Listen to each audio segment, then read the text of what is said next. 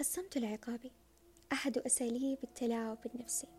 أهلا معكم نورة وهذا بودكاست القليل في حياتنا اليومية منذ نعومة أظفرنا تجمعنا صدف مع أشخاص خارج إطار العائلة. صديق الأب صديقة الأم ويتطور الموضوع لنصادف مجموعة هائلة من الناس. لننغمس معهم ونبدأ تكوين علاقتنا الاجتماعية. من صداقة أحد أطفال الجيران إلى صداقة مجموعة من الأطفال ضمن إطار المدرسة وكلما نكبر تكبر علاقتنا وقد لا تكبر عند حالات محددة لكن قد تتساءل هل ستستمر علاقتنا في الكبر؟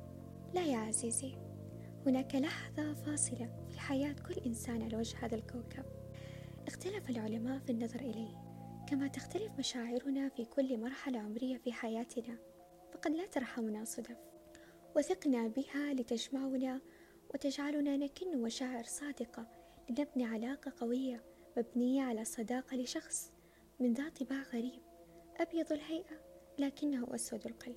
نتعلق به بشكل غريب غير مدركين أن النهاية ستؤلمنا بل ستحطمنا إن اقتربت.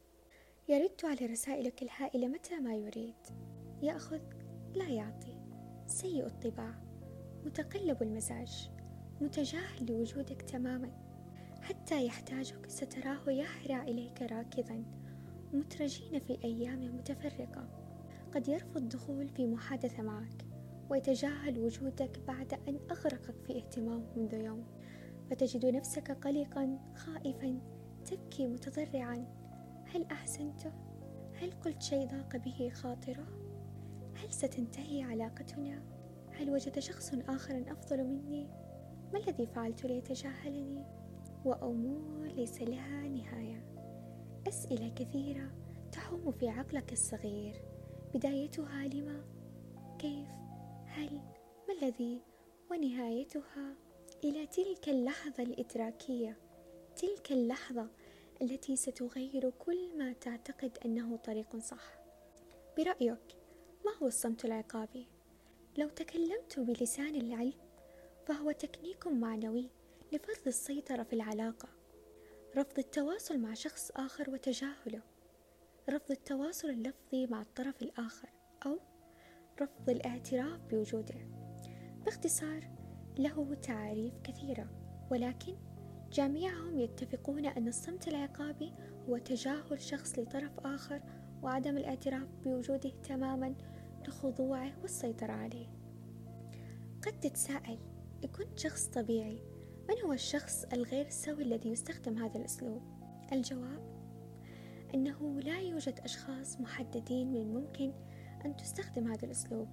بل الجميع يستطيع أن يستخدم ولكن الأشخاص الأكثر استخداما لمثل هذا الأسلوب هم الشخصيات النرجسية. وللأسف ومع كامل أسفي أنه يوجد فئة من البشر فقدوا صوابهم. وأصبحوا يعتقدون أن الصمت العقابي هبة ومجرد شيء يستخدمونه على أشخاص يريدونهم أن يخضعوا لهم. بعبارة أخرى يظنون أن الأمر هين وسهل بغض النظر عما قد يحصل للضحية. الصمت العقابي يستخدم كثير في مجتمعنا ولا يقتصر على شخص نرجسي يستخدم هذا الأسلوب لخدع الطرف الآخر وإلى آخره بل يستخدم حتى في علاقات الأم والأب بأطفالهم طفل لا يتجاوز طفولته المبكرة. عندما ترى الأم أن ابنها أو ابنتها فعلت شيء خاطئ لا تتعارك معها ولا تنصحها بل تلتزم الصمت وتتجاهلها ولا تتكلم معها حتى يستمر الوضع لأيام متتالية من تجاهل وعدم رغبة للاستماع لها. فمن الطبيعي أن الابن تشعر بتأنيب وبتعقيد وتترجى أمها بالسماح وإلى آخره. وهكذا يتكرر الأسلوب إلى أن تنعدم الشخصية من طفل سليم نفسيا فيها لبناء شخصيته بشكل سليم خالي من العيوب. إلى طفل مريض نفسيا شخصيته ضعيفة يخشى الناس يخشى حزن أي شخص يتعلق بسرعة وقد يصل الأمر إلى مستويات أسوأ مع كل مرحلة عمرية. الصمت العقابي مهما تغير أسلوبه أو العلاقة المستخدمة فهويته لا تتغير وتبقى كما هي أسلوب تلاعب نفسي.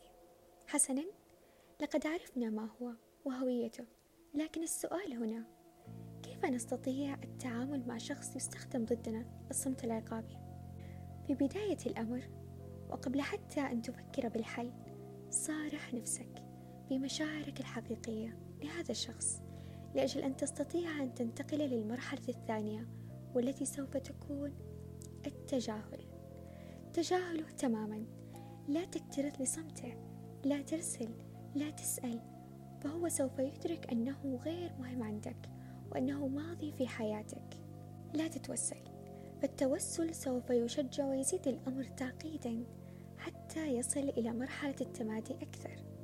فعليك أن تضع حدود وتوضيح وماذا ممكن أن يحدث لو الشخص تعداها وبالنهاية إن لم تعد هناك طرق مفترقة ارحل حاول.